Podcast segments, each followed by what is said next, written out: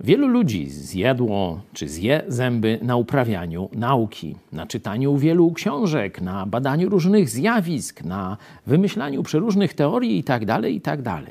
Chciałem Wam pokazać już, mm, można powiedzieć, schyłkowe myślenie jednego z naukowców z dawnych czasów. Mozoliłem się nad sprawą Bożą. Mozoliłem się nad sprawą Bożą i uległem. Zaiste, jestem najgłupszy z ludzi i nie mam ludzkiego rozumu. Nie uczyłem się mądrości i nie mam wiedzy o Najświętszym. Kto wstąpił na niebiosa i zstąpił? Kto zebrał wiatr w swoje dłonie?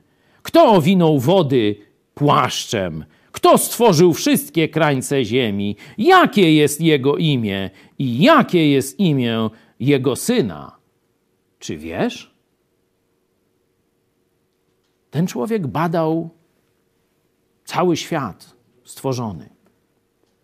Ale na koniec życia mówi: Nadal nie znam odpowiedzi na największe, najważniejsze pytanie.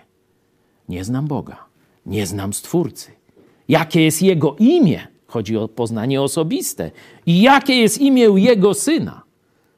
Jeśli tego nie wiesz, cała inna wiedza, którą zdobyłeś, w niwecz się obróci i nic ci nie pomoże.